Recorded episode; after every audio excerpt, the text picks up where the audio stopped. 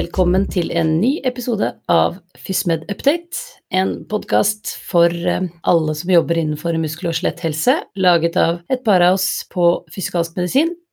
Dagens tema er skulderundersøkelse, og med meg er Nils Gunnar Juel. Du er jo fortsatt eh, overlege, fortsatt eh, forfatter av flere bøker, og fortsatt god på skulder. Mm, takk skal du ha. Da skal vi prøve oss på dette kunststykket av å snakke om en undersøkelse på lyd. Ja, det kan bli spennende. Jeg tror vi får det til. Jeg tenker at vi både skal eh, beskrive litt, men eh, det er jo mye teori rundt dette her som eh, helt fint passer å snakke om, tror du ikke det? Jo, jeg tror det. Vi, vi får satse på at lytterne har det tredimensjonalt foran seg. ja. Og så er jo denne episoden ment som et eh, supplement til at vi etter hvert har lagd et uh, lite arsenal av skulderpodkaster, sånn at uh, man kan jo koble denne opp mot de andre sånn faglig sett. Mm. Ja, så, så, er det Det er jo forferdelig mange forskjellige måter å undersøke en skulder på, og jeg opplever mange som er ganske forvirra på grunn av det, så jeg tenkte at nå skal vi gjøre det litt enkelt. Helt enig. Nå skal vi rydde bordet og bare rett og slett spikre skulderundersøkelsen. Ja, det skal vi. Men uh, først, hvorfor skal vi undersøke skulderen? Det er flere grunner uh, til det. Det kommer litt an på hvor i helsevesenet du befinner deg. Men uh, generelt, når du får inn en pasient med vondt i skulderen, så er jo det viktigste fortsatt å snakke med pasienten og ta på anamnese og finne ut om det er et traume, finne ut om det er noe som har kommet gradvis, om det er spesielle hendelser eller spesielle smerter. Og, og anamnesen gir jo grunnlag for å stille de aller fleste skulderdiagnosene spesifikt. Da. Så, så det, vi må huske på det at dette er bare en liten del av den hele den kliniske undersøkelsen. Så er det en del andre faktorer som er viktige, selvfølgelig. og Pasientene kommer jo til deg med vondt i skulderen, og de, de forventer å bli undersøkt. Det er, ikke, det er, ikke, bare å sende dem ut med noen ord. Du, du må kle av dem og, og, og så undersøke dem til en viss grad, i hvert fall så de stoler på deg. Absolutt, og øh, var litt inne på det med Åge Inndal og rygg. Og sånn som han sa, det er jo når man har etter hvert jobbet lenge i faget, så kan du jo omtrent både sette diagnoser og behandling og ferdigbehandle en pasient ut fra en henvisning. Mm. Men det er jo masse pedagogikk og, og behandling i en god undersøkelse. Ja, og det er jo som vanlig. altså Pasienten har kanskje vært én eh, gang til eh, legen med skulderen sin, mens vi har sett kanskje tusenvis av skuldre etter hvert. Så vi må huske på at dette er den ene gangen pasienten kommer til deg. Det er veldig viktig altså, å ta dem skikkelig på alvor når det gjelder akkurat det. Det er jeg helt enig i, og, og, det der å gjøre en god undersøkelse, det, det tar ikke så lang tid. Nei. Men man skal bare konsentrere seg litt så man gjør det ordentlig. Ja, jeg må si, jeg har jo holdt på med det her noen år, og jeg blir fortsatt litt overraska. Eh, at det dukker opp eh, uventa ting når jeg undersøker pasientene. Og av og til er det sånn at eh, en pasient som har gått med kroppen sin noen år, har blitt vant til et eller annet, f.eks. at de har en stor skoliose eller en gibbus i thorax eller andre anomalier eller andre tilstander som pasienten er vant til å leve med, som liksom ikke de, de bryr seg så fælt om. da. Sier, ikke, sier, det ikke til oss, og så plutselig så ser vi det, ikke sant. Det, mm. det er jo litt snedig. ja, det er helt sant. Av og til kan vi jo også bli overraska av at pasientene formidler altså, veld, veldig mye smerte eller veldig sterkt funksjonstap, eller formidler andre ting da, som, som vi tenker gjør meg. Eh, det var jo litt overraskende. Så det, det kan dukke opp mange ting da. Ja, og det er jeg helt enig i, fordi Selvfølgelig, anamnesen er alfa og omega, men jeg føler at undersøkelsen blir liksom litt prikken over i-en. Fordi eh, det kan av og til enten forsterke at her eh, passer puslespillbrikkene, og noen ganger så, så er det litt mismatch. sånn at, eh, at f.eks. en smertebeskrivelse, og så Å ja, ok, men bevegelsen var faktisk ikke så verst. Nei, ikke sant. det er fint sånn som at du med din evig lange erfaring også understreker at, at det fortsatt oppleves viktig. For det tenker jeg i en hverdag, og hvis man er travel eller litt lei, så er det jo fin, fin litt sånn å bare ha det bak øret at uh, en god undersøkelse er superviktig. Ja, og da bare du setter i gang med den undersøkelsen, så får du jo et inntrykk av hvordan pasienten beveger skulderen sin, bare han kler av seg, ikke sant. Eh, bare du ber dem om å løfte armene, så ser du om dette er rimelig normalt, eller om det er prega av situasjonen. Og det tenker jeg er en god start på en undersøkelse, at du, du får med deg de, de tinga der. Da. Litt uformelle ting, på en måte. Ikke sant. Så da, da hiver vi oss eh, i gang. Hva, hvordan begynner vi? Hvordan undersøker vi skulderen? Jeg var jo litt inne på det i sted. Det kommer litt an på liksom, hvor du møter pasienten. Er det på legevakt eh, når pasienten har slått seg, hvor du mistenker en luksasjon kanskje, eller en annen skade, eller er det i primærhelsetjenesten hvor pasienten liksom nevne skulderen i, på veien ut av kontoret, eller er det på en mer høyspesialisert avdeling, spesialisthelsetjenesten, kanskje en ortopedisk avdeling eller et, en annen avdeling som eh, f.eks. fysikalsmedisin, hvor pasientpopulasjonen er selektert. Så det kommer litt an på hvor du er, hva du trenger å gjøre, da. Helt enig. Og av og til er det jo til og med at vi f.eks. undersøker en nakke, og så tar man en kjapp kjapp skulderundersøkelse på si, bare for å utelukke. Og det vil jo være annerledes enn eh, når det kommer eh, primært med en åpenbar skulder. Mm, det er forskjellige. Det, det, hører med når det gjelder nakke-overekstremitetsundersøkelse, så hører det med å gløtte på skulderen. ja. Mm. Så hvis vi starter da, du hadde jo et, et, godt forslag med at man starter med å gjennomgå en, en enkel primær skulderundersøkelse, ja. Eh, og så kan vi utvide litt etterpå med, med, med ekstra ting. Ja, og jeg er også heldig å jobbe en del sammen med flinke fastleger. Uh, og det, de, de, har jo helt andre pasienter enn vi har på vår spesialiserte skulderpoliklinikk. Og gruppa pasienter er såkalt uselektert. Det er alt mulig. Det er fra alvorlige tilstander eh, til helt lette tilstander som pasienten kanskje er bekymra for. Felles for de fleste i primærhelsetjenesten som kommer med en skulderplage, er at prognosen for at de blir bra, er veldig god eh, i løpet av relativt kort tid. Og pasientene er ofte litt sånn bekymra for hva denne, dette ubehaget er, da. Og det gjør at eh, de undersøkelsene du skal bruke i primærhelsetjenesten, påvirker behandlingen i ganske liten grad. Du bruker undersøkelsen for å trygge pasientene og grovsortere ut f.eks. nakke med radikulopati mot en smertefull skulder. Vi tenker ikke så mye på vevet som eventuelt er affisert, vi tenker på grovsortering av pasientene da. Og det, dette, er jo, dette, er jo, et stort poeng i flere internasjonale retningslinjer, at du skal grovsortere. Og, og det er også vist at uh, pasientene som kommer i allmennpraksis, kanskje én dag og så er fokus på skulder, og så går det to uker senere, så, så var ikke det så farlig med den skulderen. Den, var, den, er bare litt irriterende, men nå er det faktisk kløe som er problemet. Så de drifter veldig, da. Og, og det gjør at du må, du må, holde tilbake med sånne spesialiserte undersøkelser, da.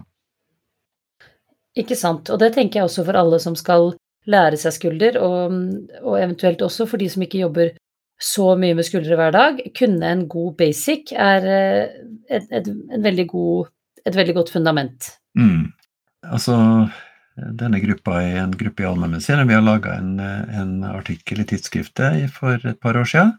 Uh, og vi har også laga en retningslinje som ligger på Helsebiblioteket som heter Trygg på skulder, uh, hvor dette, disse enkle øvelsene er illustrert med med henvisning til noen videoer og sånn som man kan, man kan, se på da, hvis man ønsker disse helt enkle tinga. Ja, og de, både denne artikkelen er fin, men vi kan jo like så greit nevne med en gang at eh, den undersøkelsesboken som du har skrevet, jo digitalt på Fagbokforlaget, og der eh, er det jo veldig fine filmer av eh, undersøkelse og inspeksjon og hele pakka, samt at også Universitetet i Oslo har en sånn portal for bevegelsesapparatet. Så jeg mm. tenker at uh, for de som har hørt gjennom nå, og som ønsker å se det litt i bilder, så er det to kjempefine linker som er kjekke å vite om. Ja, så er han gratis, vet du. Ja. Koster ingenting.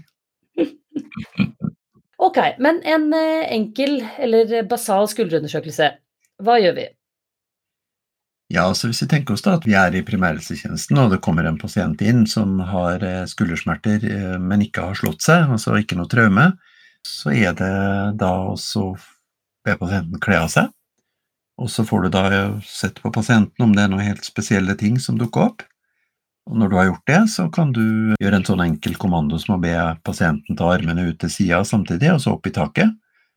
Da undersøker du funksjonen eh, i skulderen, Og du kan også få inntrykk av om pasienten har såkalt smertebue, altså at eh, det er smerte fra ca. 60 grader og oppover, som er veldig typisk for sånne subakromiale smerter. Da. Og hvis pasienten ikke har det og beveger armene greit, så vet du at dette er en ganske enkel eller en, en lett tilstand da, som, som ikke affiserer pasienten veldig. Um, og I tillegg så, så er det en undersøkelse som er viktig, som har betydning for valg av behandling. Og Det er eh, den undersøkelsen som skiller en stiv skulder fra en ikke-stiv skulder. Og hvis du har en stiv skulder, så er sannsynligheten for at pasienten har frozen shoulder veldig stor, og da skal du ha annen behandling enn hvis skulderen ikke er stiv. Og den undersøkelsen, jeg vet ikke om du vil vite hvilken det er, Sigrid? veldig gjerne, nå er jeg veldig spent. ja, da, da, er det en undersøkelse som, eh, som heter passiv utadrotasjon, hvor pasienten står med armene ned langs sida, altså 90 grader i albuen, og så tar du som undersøker og bare roterer utover til det stopper. Og vanligvis så er det sidelikt og ikke smertefullt. Det var eh, konkret og tydelig og bra. Så starte med en aktiv bevegelse helt opp, altså en aktiv abduksjon, og så en, en, en rotasjonstest. Ja, og det, da kommer du veldig langt. Og så er det som du har sagt tidligere, så at eh, skal man være obs på at uh, av og til kan smertene i skulderen og nedover i armen, det, de kan jo komme fra nakken, det kan jo være affeksjon av en nerve. og det er man jo litt liksom, hva skal jeg si, obs på, men husk på at det, det er bare snakk om en prosent eh, av tilfellene som, som har eh, radikulopati fra nakken som forklaring på sterke, sterke skuldersmerter, eller enda mindre. Så det er veldig sjelden, da.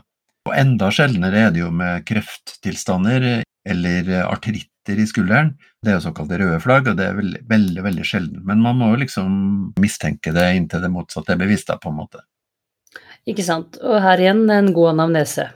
Absolutt, altså. Så tar, tar man jo det som, som kliniker.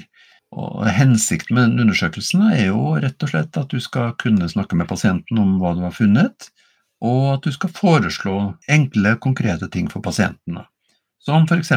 smertelindring, eller enkle øvelser, eller ingenting i og for seg. At tiden bare leger dette, og prognosen for det er jo veldig veldig god. Det er vist i flere studier fra Nederland at, at de aller fleste pasientene er veldig fornøyde med én konsultasjon for første gang skuldersmerter. Det er fint. Det er bra. Mm. Eh, palperer du? Altså, jeg tar jo gjerne på, på, pasienten, det tenker jeg også er litt forventa. Mm. Og det at vi skal ta på det som er vondt, da, men det pleier jeg å gjøre til slutt, da, når vi liksom har vært gjennom disse innledende øvelsene, som jo egentlig tar til sammen disse tre-fire undersøkelsene jeg snakka om nå, de tar jo til sammen kanskje et minutt eller to minutter i verste fall. Og da kjenner jeg litt på sånn å finne ut om pasienten har vondt i muskulaturen sin, f.eks. da. Så aktiv bevegelse, passiv bevegelse og palpasjon. Noe mer? Så er det jo da å skille eventuelt nakke fra, fra rygg. Andre, andre undersøkelser, spesialundersøkelser, er ikke nødvendige i, ved førstegangsbesøk i primærhelsetjenesten. Da har du tilstrekkelig grunnlag for å behandle de aller, aller fleste pasientene, faktisk. Det er bra. Skal vi da bevege oss til uh, enten at pasienten kommer tilbake med skulderen, eller at den kommer til uh, spesialisthelsetjenesten, og så utvide undersøkelsen litt? Ja, det er jo alltid uh, kjedelig når pasienten ikke blir bra og kommer tilbake. Det, Men sånn er det jo i en del tilfeller. Av disse nederlandske studiene som jeg har nevnt, så er, kommer jo sånn ca. 20% av pasientene kommer tilbake i løpet av første år. Ca. halvparten som har fått vondt i skulderen, eh, de, de, har litt ubehag i skulderen etter et år. Så det er ikke sånn magisk at det forsvinner, men de fleste er jo fornøyde, da. Så når de kommer tilbake, så, så er det jo da lurt å gå litt dypere nedi for å se om det er noe annen spesifikk behandling som disse pasientene skal ha eller om vi skal gjøre noe annet med dem da. Og da er det greit å ha en systematisk eh, tilnærming til, eh, til undersøkelsen. Absolutt. Og hvis du da tar oss litt sånn punktvis gjennom den nå? Ja. Nå er jo dette eh, noe som mange er vant med, men min, min erfaring er at hvis du bruker en systematikk i tilnærminga, og ikke hoppe over noen punkter, så, så, gjør du en bedre undersøkelse når, du, når først pasienten har hatt vondt en stund. da. Og Derfor så, så, pleier vi å bruke inspeksjon, som jeg har vært inne på. Vi gjør en funksjonsvurdering hvor vi gjør sånne aktive bevegelser, som vi også har vært inne på, armene ut til sida. Og så gjør vi undersøkelse av selve glenomeralleddet, som passiv bevegelighet, som vi også har snakka om. Mm. Så går vi litt mer inn på rotatorcuffen, som er viktig, og så gjør vi krafttester på de. Og, og til slutt så finnes det jo en rekke med eh, såkalte ortopediske enkle tester, eller spesialtester som jeg liker å kalle det, som, som fokuserer på de enkelte vevene mer. Og vi gjør inneklemmingstest eller tester av AC-leddet eller biceps lange hode, eller ser på instabilitet eller nervesystemet. Det er såkalte spesialtester som vi da noen ganger eh, Vi vurderer alltid om det er behov for å gjøre de, da. Der sa du det på en fin måte, fordi du gjør en ordentlig pakke først, og så gjør du en målrettet, litt mer spesifikk, avhengig av eh, anamnesen og, og, litt hva du finner etterpå. Ja, det, det er sånn vi gjør det. Så stort sett har de nyttige undersøkelsene som vi bruker, i hvert fall på vår poliklinikk, det, er kanskje ikke mer enn eh, syv-åtte eh, forskjellige undersøkelser. Eh, altså da inkludert som vi de vi har snakka om allerede. Eh, så dette her er helt overkommelig. Mens de fleste av disse spesialtestene som er utvikla av, av, ortopeder, og gjerne på tertiærklinikker, det er veldig lite nyttig i en poliklinikk sånn som, eh, sånn som vår, i hvert fall. da. Helt enig, det er rett og slett bare mye vanskelig egennavn. ja, ja. Det, det, er hovedproblemet, vil jeg si. ja, og da kan vi understreke også at man trenger jo ikke gjøre alle. Hvis du ikke har mistanke om at skulderen ikke er løs, så trenger ja. vi ikke å teste stabiliteten. Nei, hvis ikke pasienten har instabilitetssymptomer, så er det jo ikke noen instabilitet. Og da trenger du ikke å teste det. Nei. Enig. Tenker du at det er hensiktsmessig å nevne noen av disse inneklemmingstestene i og med at det er relativt vanlig, eller eh, tenker du at man kan velge å vrake litt selv? Ja, altså det er jo liksom et vitenskapelig grunnlag for mange av disse testene, selv om, selv om det er relativt svakt. Eh, skuldertester er vel ikke undersøkt helt tilstrekkelig enda sånn vitenskapelig, tenker jeg. Men, eh, men, noen tester går jo igjen i diagnostikken av noen tilstander, da. Så når du snakker om inneklemming, altså plager som kommer fra subakromialrommet, så ønsker vi å ha tre-fire positive tester for å være nokså sikker på at det kommer derfra. Da. Da er det jo denne smertebuen, som jeg sier, altså at du tar armene ut til sida, og så er det smertefullt fra 60 grader og opp. Det er nesten et krav for at vi skal stille den diagnosen. Det gir et godt innblikk i funksjonen, da. Se om de klarer å gjøre det på en naturlig måte. Og likedan ta armene opp bak på ryggen. Det er også en grei test eh, å gjøre det. Hvis du har en subakromial tilstand, så klarer du som regel ikke å gjøre det uten smerte. Egentlig så er det morsomt å høre at du fokuserer mer på funksjonsundersøkelsene enn på de spesifikke testene. Ja, og det når vi får igjen pasientene, så vi har jo en flink fysioterapigruppe hos oss som behandler pasienter og det vi opplever relativt ofte, så er at pasientene sier at nei, det er ikke noen forskjell, jeg har det likedan som før. Og så hvis du går inn og spør spesifikt i anamnesen, så får du kanskje frem at de, ja, de sover jo bedre. Og ja, men de tar jo mindre smertestillende. Og når du undersøker dem, så har de plutselig ikke smertebue lenger, og de har full aktiv bevegelighet. De eh, kan løfte armene opp over hodet uten noe særlig problemer. Så noen ganger så er det veldig viktig i samtalen med pasienten å ha gjort disse enkle undersøkelsene, da. For dette skjønner pasientene veldig godt. Ja, og der har jo du et godt tips om det at du er litt nøye på det at du skriver eh, litt konkret grader på hva du finner.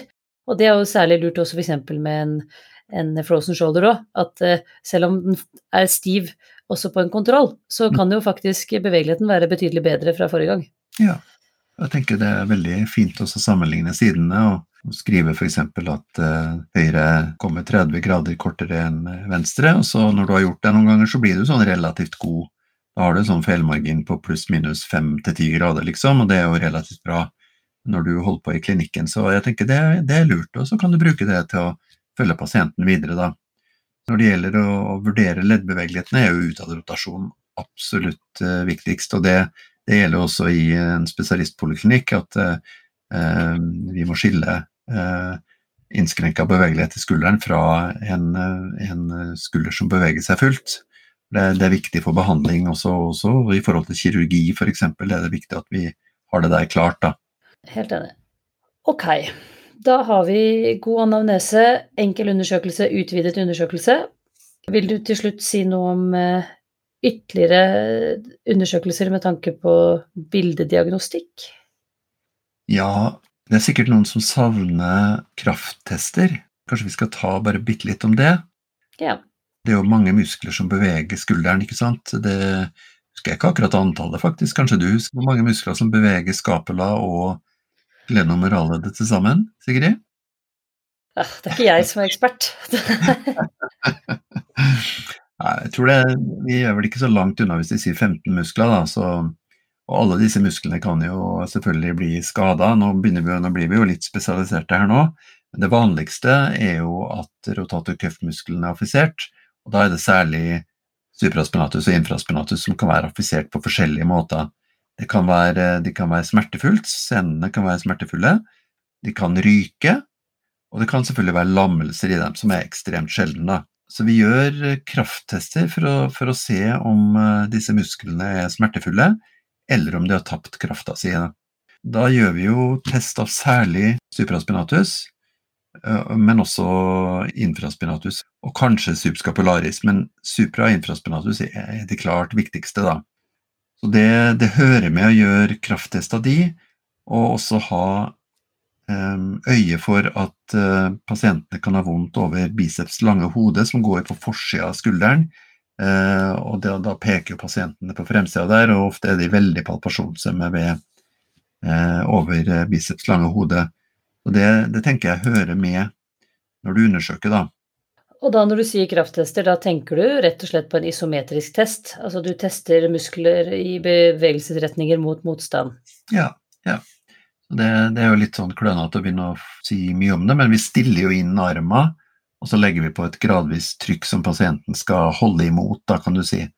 Mm. Da får du en spesifikk test for den muskelen, da. Men eh, gå og se på de videoene som vi har nevnt. Der, eh, der er det veldig eh, gode videoer hvordan man gjør det der. Og Der har du også videoer av eh, inneklemmings- eller spesialtestene, sånn som inneklemmingstest, som vi gjerne skal ha positiv eh, ved subakromiale smerter. Og vi har eh, AC-leddstester og stabilitetstester og, og selvfølgelig nevrologisk undersøkelse som av og til er nødvendig. Så jeg bare oppfordrer til det hvis man ønsker det. Mm. Ok, så god anamnese, god inspeksjon, aktiv bevegelighet, passiv bevegelighet, krafttester og målrettede spesialtester. Ja, og da, da et, får vi et godt inntrykk når vi har vent oss til det der, får vi et godt inntrykk av pasienten på en undersøkelse som tar mellom fem og ti minutter, avhengig av hvor i garva du er da. Og så er det jo spørsmålet om vi kan få noe støtte fra supplerende undersøkelser. Jeg var med en gruppe som laga en nasjonal eh, faglig retningslinje for bildediagnostikk ved ikke-traumatiske muskel- og skjelettplager, hvor vi hadde med skulder og den retningslinja ligger digitalt som et sammendrag, er veldig greit å slå opp i for, for alle muskel-skjelettplager, egentlig. Og Der så vi på nytteverdien av eh, bildediagnostikk ved skulderplager. Og den nytteverdien er faktisk ganske liten. Ja. Det er eh, stort sett bare hvis du mistenker en alvorlig tilstand, altså at du har rød flagg, eller artrose eller rotator cuff-ruptur at uh, bildediagnostikk bidrar i noe særlig grad uh, i diagnostikken. Og da når du sier ruptur, da tenker du fordi at de da gir eh, en redusert kraft? Av og til er det jo litt vanskelig å finne ut om en, en del av rotatorcuffen har røket eller ikke på klinisk undersøkelse pga. smerter. Og da kan du få litt støtte i, i, diagnostikken din ved hjelp av en ultralydundersøkelse eller en MR. da. Mm. Mens når det gjelder artrosene, så er det røntgen. Da vil vi helst ikke ha MR, vi vil ha røntgenbilde for å vurdere osteofytter og, og avsmalning av leddspalten. Da. Så alle de pasientene vi får henvist nesten, har jo tatt MR av skulderen. og Jeg vil påstå at kanskje 90% av de MR-ene det har det ikke vært god indikasjon for. Det er unødvendig å kanskje forvirre det både pasient og lege. Det, det er litt synd, men, men jeg skjønner det jo at man gjør det hvis man ikke er sikker på undersøkelsen. Jeg er helt enig, og det er uh, viktig at du sier det, for det er, uh, det er blitt en, uh, en, stor forventning om, om MR. Mm. Men jeg syns dette var bra, jeg. Ja. Jeg tenker at vi understreker igjen at vi legger ut disse lenkene både på nettsiden vår, fysmedupdate.no, og under episoden. Og så er det da bare å gå inn der og se, enten på Fagbokforlaget eller UiO. Så er um, hovedoppsummeringen at alle skulderpasienter skal undersøkes etter at man har tatt en god og litt spesifikk anamnese. For uh, primærhelsetjenesten eller enklere problemstillinger så holder det med en litt forenklet undersøkelse. Og er det rekontakter eller spesialisthelsetjeneste, så gjør man en litt utvidet og litt mer spesifikk. Ja, det syns jeg var en veldig god, eh, god, oppsummering. Da tror jeg vi bare sier ha det bra. Ja, ha det bra. God undersøkelse. ja. ha det. Ha det. Thank you.